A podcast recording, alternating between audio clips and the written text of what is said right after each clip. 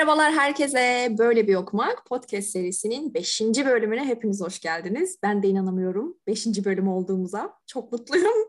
ben Bilge. Merhaba, ben Ece. Hepiniz hoş geldiniz. Ee, bu bölümün kitabı Şeker Portakalı. Benim gerçekten çok sevdiğim bir kitap. Ee, eminim Ece'yle de bunun üzerine konuşacağımız çok şey var. Aslında ilk soruyla başlamak istiyorum. Yani benim bu kitapla tanışıklığım ben çocukken oldu.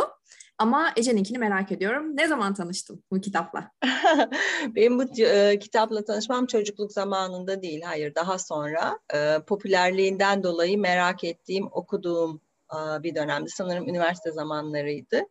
Tabii ki vurulmuştum. Sonra hmm. birkaç kere ara ara okumuşluğum çok olmuştur. Dün yine okuyup yine ağladım. Her seferinde okuyup ağladığım bir e, kitap.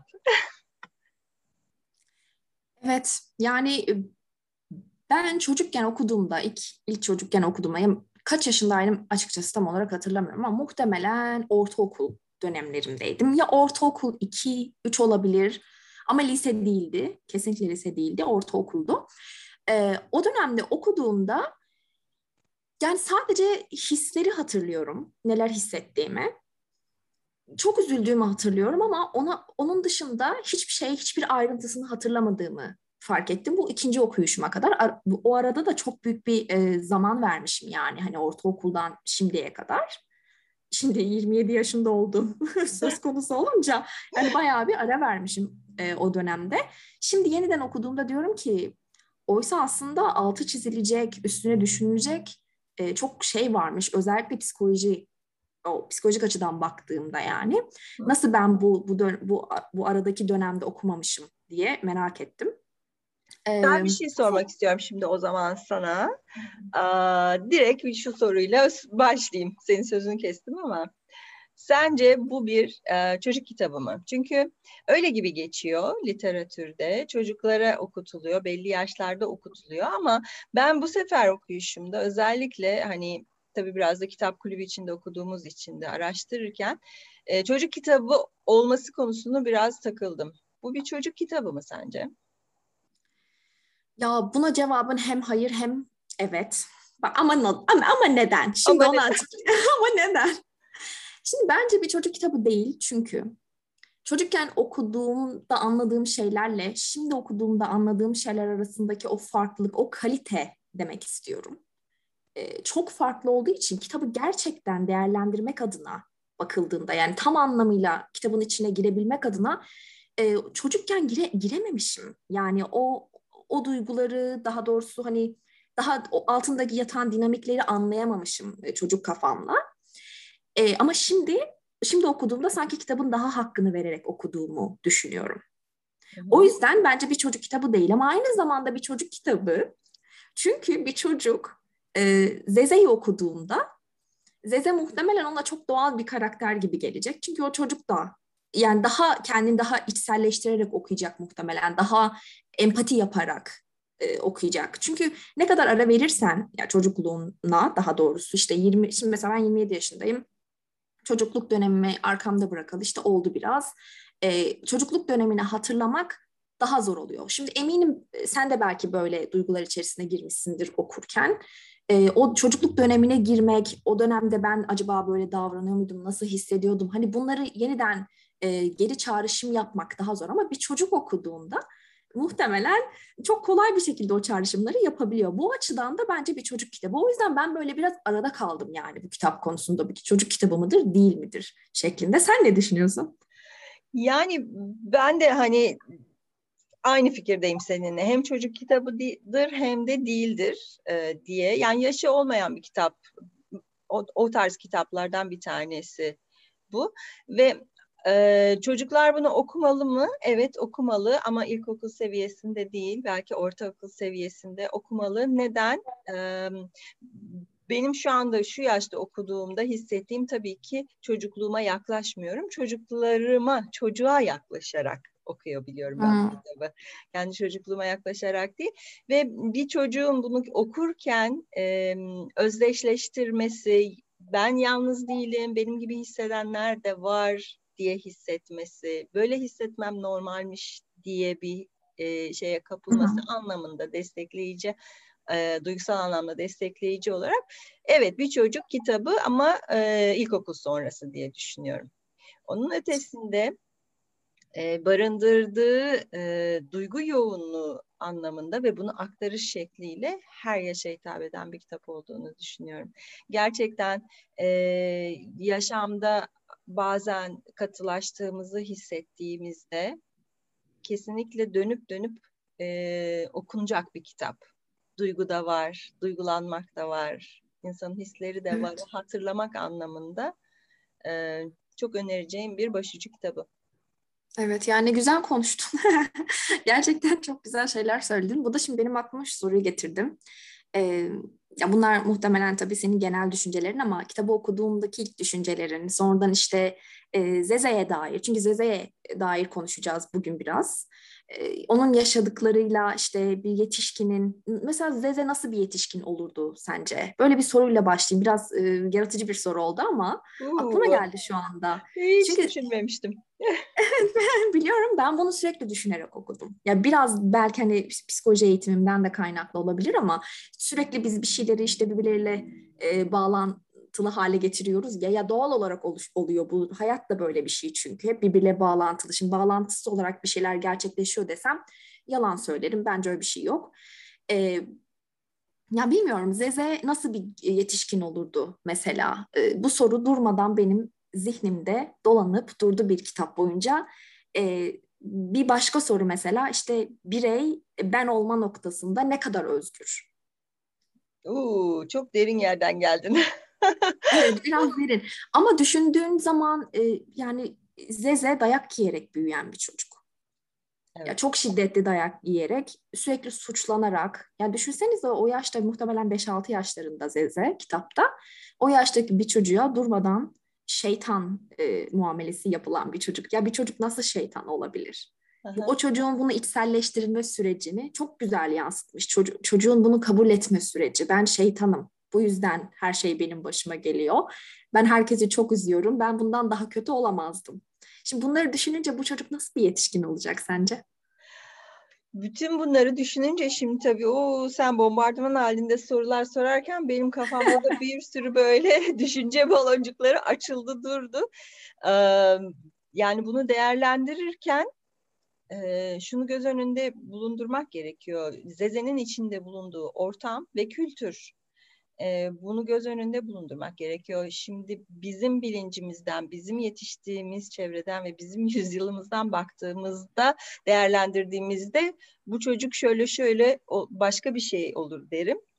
Yani tabii ki bu, bu kadar şiddet görmüş bir çocuğun toplumda dışlanmış, intikamcı, toplumdan çocukluğunda geçirdiği şiddetin intikamını almak isteyen o şekilde veya bu şekilde e, bir birey olması çıkarılabilir. Ama diğer taraftan kitaptaki Zeze'nin içinde bulunduğu ortamda şunu da görüyoruz bir taraftan. Şeytan olmak hayatın bir parçası. O çok öte, ötekelleştirilecek bir şey değil. Kitapta bunu böyle şekilde görüyoruz kültürlerinden Hı-hı. dolayı. Şeytan da kabul ediliyor bir taraftan. Hı hı. E, dayak da no, e, şey bir yerde hani bizim baktığımız yerden asla değil ama o kültürün içinde görüyorsun ki onun da bir yeri var, bir anlamı var. Çocuk evet. bir yerde onun olması gerektiğine de ikna. Ee, ve buralardan geçerek sonra bunun azalarak yok olacağının hissiyatında gibi e, şeyler var kitapta. O yüzden kitaptaki Zeze büyüyünce zaten hani bu kitabı yazmış. Onu görüyoruz. Sonunda söylüyor. E, şefkatle tanışması. Tabii bu kadar uç boyutta bir e, sevgisizlikten sonra e, gördüğü şefkatin kıymetini bilen birisi olmuş. Ve e, zaten hani baba olarak da e, ona şefkat gösteren kişiyi benimsediği için rol modeli olarak da onun gibi de bir yetişkin olmuş diye ben şu anda konuşmalarımızın üzerinden bu şekilde bir sonuca vardım. Peki sen madem bu kadar döndü bu soru kafanda, sen bir sonuca vardın. Ya bu, bu sorunun benim kafamda dönmesinin sebepleri var ama neden? Şimdi biliyorsun 3-4 yıldır ben bebek bakıcılığı yapıyorum. Evet. Burada Kanada'da. Ee, yani belki ona yakın aileyle çalışmışımdır bu son 3-4 yılda. İşte part time, kimisiyle full time, kimisiyle hani iki tane aileyle aynı zamanda part time gibi. Biz birçok aileyle temas halinde oldum ve birçok da çocukla doğal olarak. Kimisinin iki çocuğu, kimisinin üç çocuğu. Her ailenin çocuğa yani tabii ki ortalama bir davranış stili var Kanada'da. Onu göz ardı edemeyeceğim. Hemen hemen her ailenin benimsediği bir kültürle de tabii ki karışık olarak gelen bir davran, davranma stili var çocuğa doğru ama yine de farklılıklar görüyorum. Hem bu farklılıklardan yola çıkarak çocuğun davranma şekli, şeklinde de odaklanıyorsun doğal olarak. Kimi çocuk mesela inanılmaz yaramaz. E, çünkü sürekli örseleniyor. Hani annesi ve babası tarafından e, durmadan e, suçla, suçlanıyor aslında bir yerde. Gerçekten böyle ailelerle de çalıştım. Yani çocuk ne yaparsa e, sürekli bir daha uslu olması gerektiğine inan, inandırılan bir sistem içerisinde çocuk büyüyor. Öyle bir ailede büyüyen çocuğun davranışlarıyla e, ne yaparsa yapsın kabul gören, annesi ve babası tarafından kabul gören, e, sınırları tabii ki çocuk sınırlarını biliyor ama o sınırlar içerisinde ne yaparsa yapsın kabul göreceğini e, bilen bir çocuğun yetişmesiyle diğer çocuğun yetişmesi arasındaki farkı gözlerimle gördüğüm için Zeze'yi de burada, doğal olarak Burada bir mola sana şöyle mesela şu, bu iki söylediğin şeyde de iki farklı aile yapısında da geldikleri yer yani kendileri olmasa bile anne babalarından geldikleri yer yine Zeze'nin geldiği yer aslında. Yani aynı yerden gelip iki farklı sonuç da çıkabiliyor.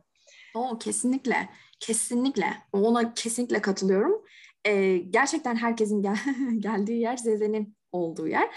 Ama işte Zeze ah kıyamam yani Zeze'nin e, biraz da çok zeki bir çocuk olması da e, dikkat çekiyor kitapta. Sence de öyle değil mi? Aşırı zeki bir çocuk. Hayal gücü çok gelişmiş bir çocuk çok, Zeze. Muhteşem Mesela, bir çocuk.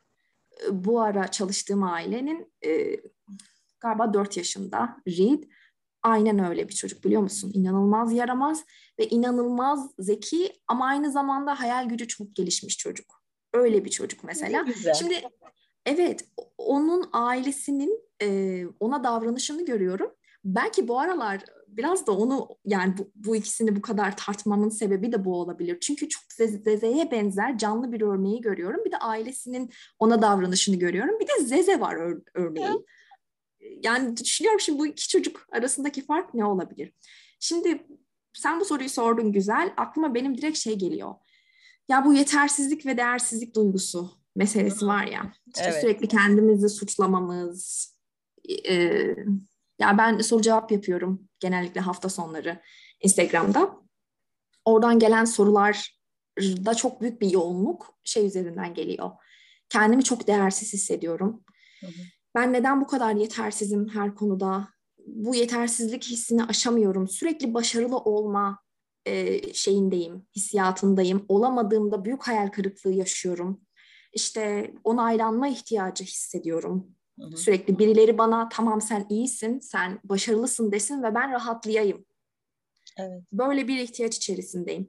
Şimdi bunları düşündüğümde yani aklıma şu geliyor. Evet bazen bu duyguların, düşüncelerin altındaki sebebi bilmek yetmeyebiliyor. Sorunu çözmek adına yetmeyebiliyor. Tabii, yani bir adımdır ama, ama evet bir adımdır ama tabii ki e, işte bana çocukluğumda bunlar bunlar yapıldığı için ya da kendim daha önce böyle hissettiğim için şu anda bu olaylar yeniden tekrarlanıyor dediğimizde e, sorunu çözmüş olmuyoruz. Bu kesin. Ama ben bunun yine de çok önemli olduğunu düşünüyorum. Neden? Çünkü bir farkındalık yaratıyor. Bu soruyu sormayan insan neden böyle oluyor? Ee, ben niye böyle bir duygunun, böyle bir şemanın içerisindeyim diye bu soruyu kendine sormadığında ne oluyor biliyor musun Ece? Şu oluyor e, biz bir şekilde büyüdük ya. Biz bir şekilde nasıl büyüdüysek bizim çocuklar da o şekilde büyüyecek oluyor. Farkındalıktan yoksun bir şekilde hiç kendini hani nasıl değiştirebilirim acaba? Yani daha doğrusu kurbanlı olduğum bir konunun birdenbire o, o eylemi gerçekleştiren biri olarak kendini bulabilme ihtimalin var farkındalık geliştiremediğinde. Tamamen. Tamamen katılıyorum ve toplumlardaki gelişimin de çok yavaş olmasının altında yeten, yatan şeylerden bir tanesi de bu. Yani burası tabii so, sosyo ne denir? Sosyolojik anlamda belki incelenmesi gereken bir şey. Oraya hiç girmeyelim. Girersek çıkamayız çünkü. Ama kişilerde e, bu yetersizlik duygusunun olması işte e, sormaya sormaya sadece gördüğünü bildiğini e, devam ettirerek e, gerçekleştirdiğin zaman nesilden nesile nesilden nesile aktarmış oluyorsun e, bu yetersizlik duygusunu. Aynı şekilde yani bir, bir sorun var ortada ama çözmektense aynen devam ettirmek daha güvende hissettiriyor insanları. Daha konfor, konfor alanı dediğimiz şey. şey var ya evet tek bildiği şey olduğu evet, için. Tek bildiğin şey. Evet o yüzden de öylece devam ediyor ama soruyu sorduğun zaman e, cevabı geldiği zaman şimdi farkındalık dediğin şey gerçekten burada çok kıymetli. E, ne anlamda? Farkına vardığın zaman senin için elle tutulur, gözle görülür bir şey oluyor. Ve sen hı hı. onun senin hayatındaki gücü otomatikman azalmış oluyor. Çünkü biliyorsun artık. Biliyorsun. Evet. Ve ihtiyaç duyduğunda diyebilirsin ki böyle bir muameleye maruz kaldığım için ben bunu şu anda hissediyorum cümlesini kurduğun anda artık onunla ilgili bir şey yapma sorumluluğu ve seçimi sende olmuş oluyor. İşte bu. Tam ben buraya gelecektim. O kadar güzel böyle bir atış yaptın ki tam onu diyecektim. Bu farkındalık insanlara sorumluluk getiriyor ve bu yüzden birçok insan ben yani bile ve isteyerek farkında olmamayı seçtiğini düşünüyorum. Bilerek, isteyerek kesinlikle çünkü biliyorlar bir şeylerin farkında olursak e, sorumluluk almamız gerekecek çalışmamız gerekecek. Üstüne bir şeyler yapmamız, bir adım atmamız gerekecek. Ay ben hiç almayayım, ben hiç or- oralara girmeyeyim. Ben bu şekilde devam. Sanki e, bildiğim tek şey buymuş gibi e, böyle devam edeyim. Kesinlikle katılıyorum. O sorumluluk alma noktası çok önemli. Ama aynı zamanda sorumluluk almak isteyen insana da inanılmaz bir seçenek sunan bir şey değil mi farkındalık? O farkındalığı kazanır kazanmaz elinde seçeneğin var. Tamam şu anda biliyorum şu anda bunun için bir şey yapabilirim ya da yapmayabilirim. Evet. Bu seçenek yani tamamen aslında. Aslında orada olan ne biliyor musun? Yani şu anda ben aynen senin kurduğun cümleyi sürüyorum. Farkındayım ve ben bir seçimde bulunabilirim. Seçim bu seçimde bulunacak kişi kim? Sensin. Yani güç sende. Evet. Bir anda bir anda e, şeyden e, pasif durumdan, edilgen durumdan etken duruma geçiyorsun.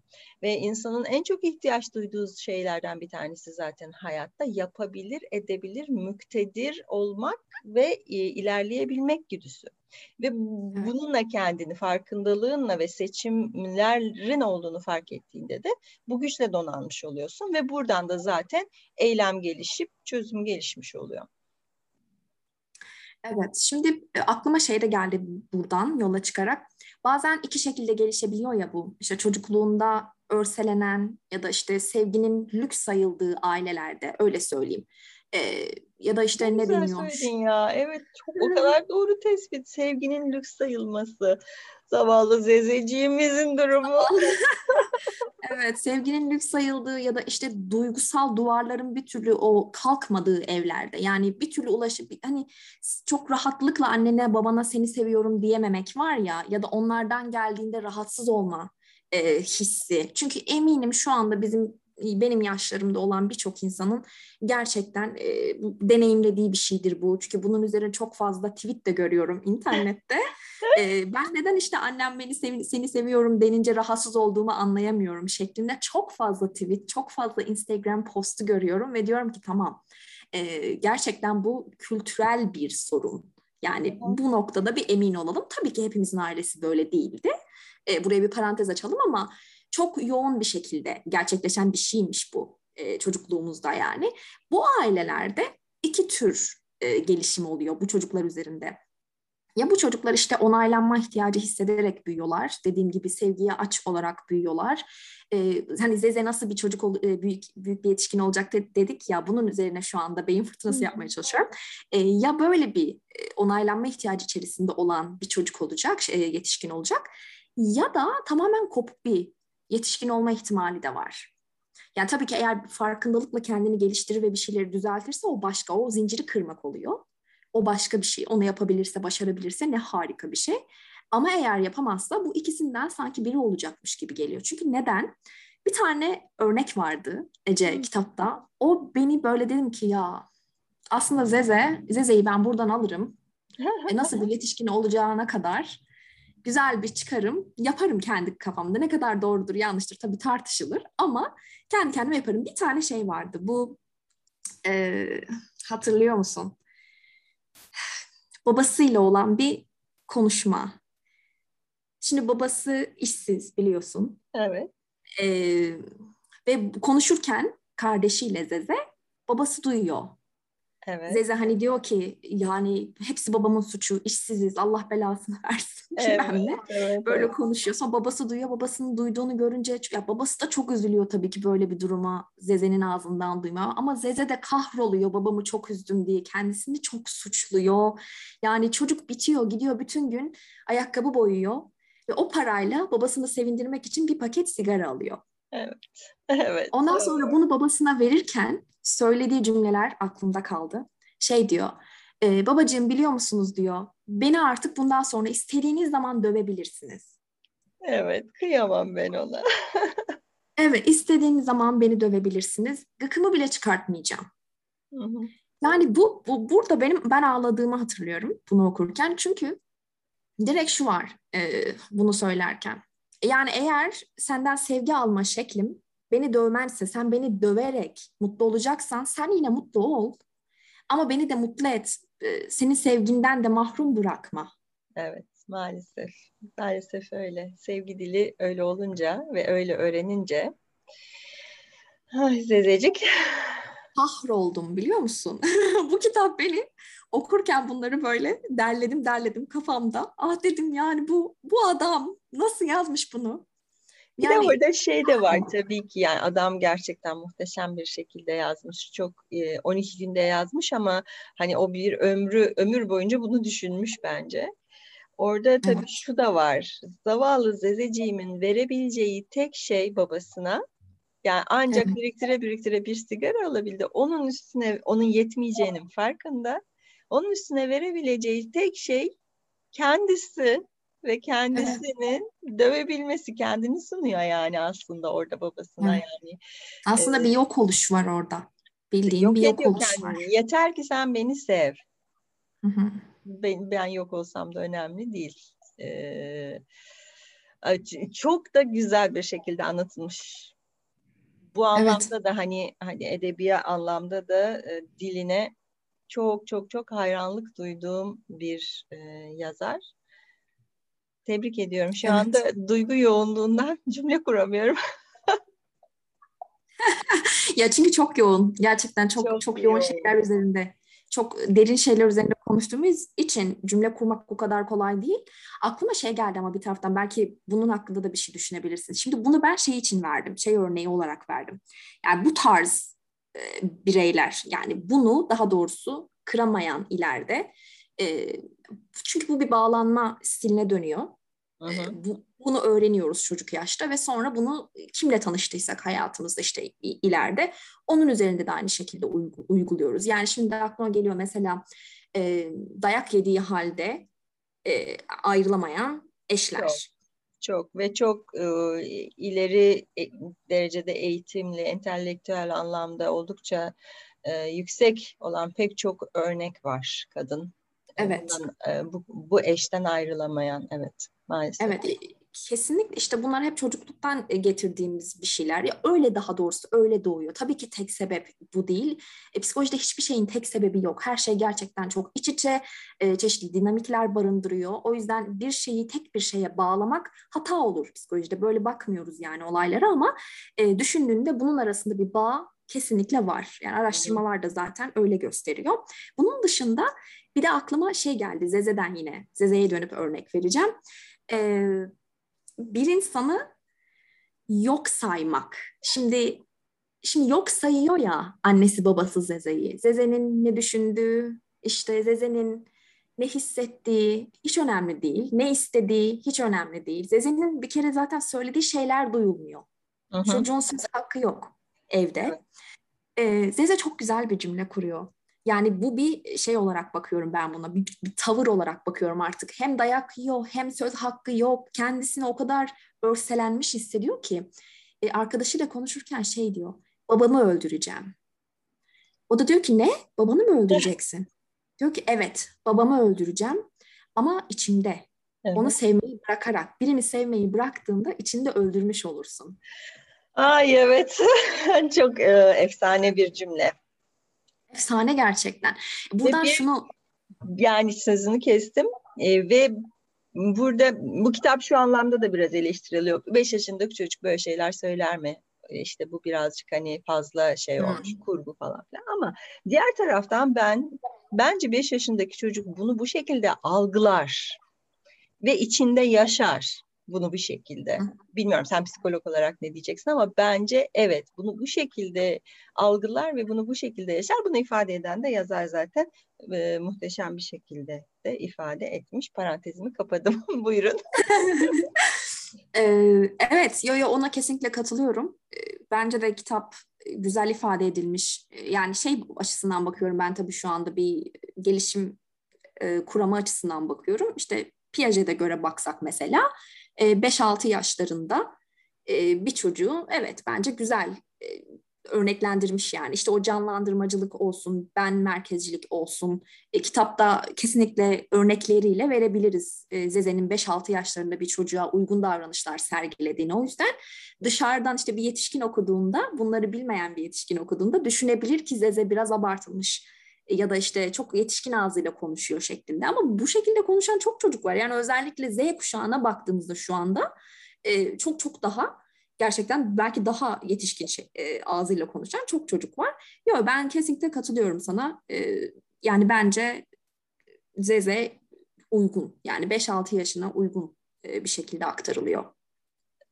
Yani bir de şöyle şu, şu da var şimdi bu kitap iç, iç, iç sesi aslında Zeze'nin. Kendi kendine konuşmaları. Yani bir, o çocuk, o yaştaki o çocukların içinde ne konuştuğunu bilmiyoruz biz. Biz de uzaklaştığımız için o yaşımızdan. Konuşurduk büyük ihtimalle. Konuşulur da yani. Ve o şekilde de algı, algılarsın. işte birisini öldü. Şu anda bize çok felsefi bir cümle gibi geliyor bu tabii. Birisini sevmeyi bırakırsan, onun onun evet. iyiliğini düşünmeyi bırakırsan onu e, içinde öldürmüş olursun diye. Ee, yani o çocuk da zaten o anda sahip olduğu şeyler, yetenekler bunlar. Birisini sevmek, birisi için düşünmek. E, o zaman o kişi onun için anlamlı oluyor. Ben bunu durdurursam o ölür. Aslında bu çıkarımı yapar o çocuk ve evet de öyledir. Ve işin aslı da aslında öyledir. Biz bu yaşlarımıza geldikten sonra çok fazla sos koymuşuzdur bence yemeğin üstüne. Esas evet. lezzet odur aslında. Evet, zaten o yaştaki çocuk akıl yürütme yeteneğini geliştiriyor. Aha. Yani biz sanıyoruz ki bu daha sonralar geliştirilen bir şey ama çocuk direkt olarak akıl geliştirme yeteneği, e, yürütme yeteneğini aslında geliştiriyor. E, katılıyorum. Kesinlikle belki hani onun altında o akıl yürütmenin altında bu sözlerinin söylemesinin altındaki dinamik çok daha farklı. Bir yetişkin gibi düşünüp söylemiyor onu orada. Evet. Daha çocuksa, daha çocuksul, daha böyle direkt bağlantılar kurarak e, bir şekilde dile getiriyor ve bize çok felsefik gibi görünebilir dışarıdan ama aslında altına baktığında gerçekten çok çocukça bir bağlantı kurup belki onu oraya e, yine yine yani yerleştirebiliyor. Evet. Evet kesinlikle hatta yani bu noktada iddialı bir cümle olacak belki ama şunu da söyleyebilirim. Yani hayatta bazen daraldığımızda, sıkıldığımızda, çok fazla geldiğinde, içinden çıkamadığımızda dönüp okunup da o şimdi bize çok felsefik, büyük felsefik çıkarımlar gibi gelen bu cümleler aslında hep orada varlar ve bu kadar da basitler. Yani e, için çok karmaşık bulduğumuz bir sorunun içerisindeyken bu kitabı okuduğumuzda o çocuk algısını tekrardan içimizde e, şey yapabiliriz, yükleyip e, Yani bunu şu anlamda söylemiyorum. Bir e, şey anlamında söylemiyorum. İşte oradan çıkmak için bir yöntem öneriyorum size. Bakın ne kadar güzel aydınlanacaksınız anlamında söylemiyorum. Ama bunu yaptığın zaman otomatikman zaten içinde bu mekanizma çalışmaya başlıyor. Evet. O anlamda bir öneri benimki. Hani işte bu kötü durumdan kaçmak için böyle bir kitaba sığınalım, oradan medet umalım değil. Gerçekten edebiyatın böyle bir gücü de var. Bu kitap onu sağlıyor. Otomatikman bu kitabı okurken sen kendi probleminle ilgili yahu şu çocuğun bakışına bak bu kadar net ve açık ve çok doğru. Yani geldim evet. şu yaşıma ve onun doğruluğunu net bir şekilde söyleyebilirim diyorsun. Evet.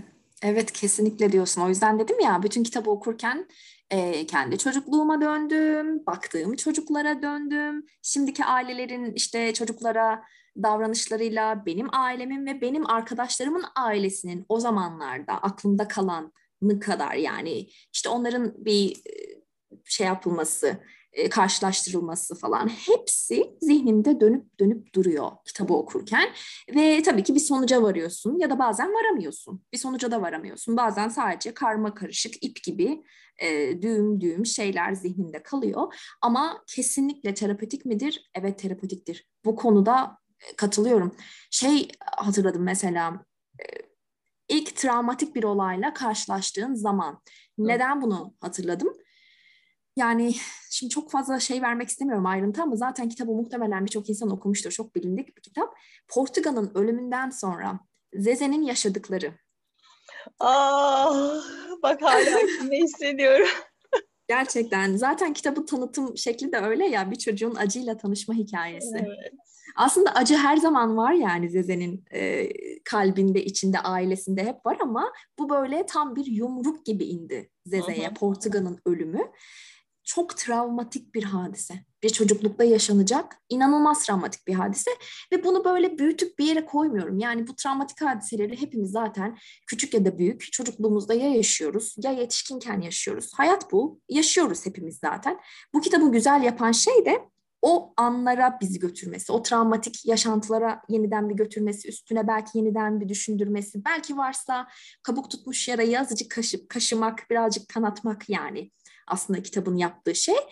O somatik hadiseler yani.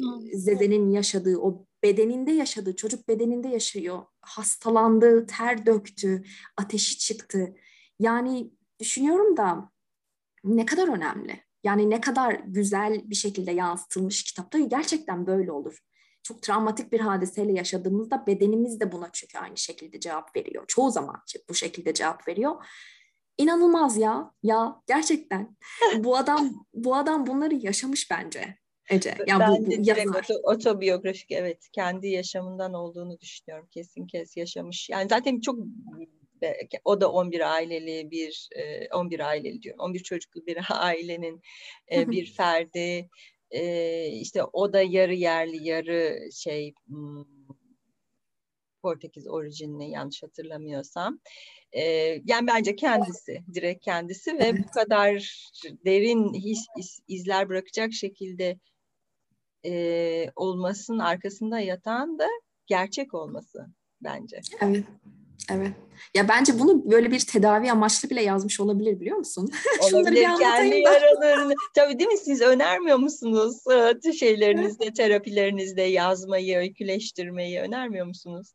Evet ya aslında bunu bilmiyorum. Ben biz üniversitedeyken yapmıştık. Böyle bir ödevimiz vardı. İşte travmatik hadiseleriniz ya da çocukluğunuzdaki işte bağlanma stillerinizi keşfetmeniz açısından işte hatırladığınız kadar geçmişe inip şimdiye kadar böyle bir öykü gibi yazın. Öyle bir ödevimiz vardı mesela. Birden fazla dersten aldığımız böyle ödevler oluyordu. Hatta bu şu anda okuduğum bölümde de var bu tarz ödevler. Oluyor yani kesinlikle. Evet. Yani e, haklı olabilirsin o yüzden kendisine bir iyileştirme süreci için böyle bir şey yapmış olabilir. Gerçekten umarım iyileşmiştir. Aynen. Yani yani var mı söyleyeceğin? bile, kendisi iyileşmediyse bile dünya üzerinde bir sürü insana dokunduğu çok net ve aşikar. Evet. Yani en başta Aslında. söylediğim gibi hiçbir şey olmasa tekrar hislenmek, duygulanmak, bir başkası için e, ona acıma duygusu geliştirmek, empati duygusu geliştirmeyi tekrar hatırlamak anlamında bence e, çok çok güzel. Diğer taraftan da işte yine dediğim gibi e, şu yetişkin yaşamımızda son derece komplike olmuş sorunların aslında bir çocuk zihniyle aynı sonuca var ama çok daha basit çözümleri evet. olabileceğini göstermesi anlamında da çok çok e, güzel bir başucu kitabı olduğunu düşünüyorum. Tekrar tekrar okurum ve her okuyuşta aslında dediğin gibi bazen bir sonuca varıyorsun, bazen hiçbir sonuca varmıyorsun. Evet. E, hiç değişmeyen şey şu oluyor ama güzel bir duygu bırakıyor. Kitap. Evet. Ya da duygu boşalma sağlıyor. Evet. Evet. Yani iki, ikisinden biri gerçekten. Ya eğer sana dokunuyorsa, eğer dokunabilmişse kitap, sen o kadar açabilmişsen kendini, mutlaka bir yerde e, bir duygu boşalımı yaşıyorsun. Hı hı. Bir noktadan çünkü yakalıyor seni. Hiç dokunamamışsa bile e, güzel bir hikayeydi deyip kapatabiliyorsun evet, yani. kapatabiliyorsun doğru. Şimdi kapatmak istiyorsun biliyorum ama tam şu anda kitaba bakarken şu şey cümleyi gördüm de e, Portugal konuşmasında neden küfretmemesi gerektiğini konuşuyorlardı. evet. Portugal diyor ki küfretmemelisin bu doğru bir şey değil. Ee, ama diyor ama ben küçüğüm. Bir tek böyle karşılık verebiliyorum. Canım benim ya. benim ne yapsın? Bir tek böyle karşılık verebiliyor.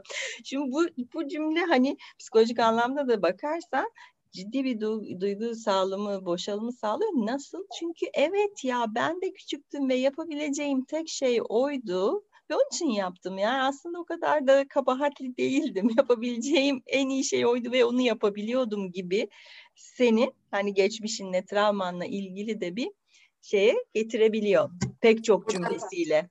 Buradan bir örnek vermek istiyorum. Bilmiyorum ben bu örneği daha önceki podcastler bölümlerimizde verdim mi ama e, bir önce çalıştığım aile, bir önceki ailemde e, kızla konuşuyorum 4 yaşında e, Emily. E, bir gün bana şey dedi, Bilge dedi, çok sinirlendim, e, çok üzüldüm dedi. Dedim ki neden? Neden bu kadar? Ne oldu? E, çünkü dedi e, babaannesi yok anneannesi. Anneannem dedi bilgisayarla oynamama izin vermedi dedi. Bana dedi çok kötü davrandı, bağırdı, kızdı dedi. Ben dedim ki neler hissettin dedi. E, yani işte çok sinirlendim ben de dedi. Üzüldüm aynı zamanda dedi. Peki ne yaptın dedim. Gittim vurdum dedi. Gidip vurmuş anneannesine. Dedim ki vurmak sence güzel bir çözüm mü dedim. Hislerinden bahsedebilirdin, anlatabilirdin. Ama Bilge dedi nasıl yapılacağını bilmiyorum. Çünkü benim anneannem İngilizce bilmiyor dedi. Ah kıyamam. Sadece e, Romanya dili konuşuyor. Ona ne deniyor? Romence mi? Romence konuşuyor. E, İngilizcesi zayıfmış. E, Emily'nin de Romencesi zayıf. Bilmiyor kendini nasıl ifade edeceğini bilemediği için çocuk ikilemde kaldı ve gitti vurdu. Vurarak gösterdi. Aslında bu kadar e, temel, bu kadar basit ya, bu kadar te- temelde olan bir şey. Başka bir yol bilmiyorsan ya küfrediyorsun e, ya vuruyorsun, işte şiddete başvuruyorsun. Evet. Başka bir yol bilmediğinde içgüdüsel olarak yaptığın şey bunlar. Evet.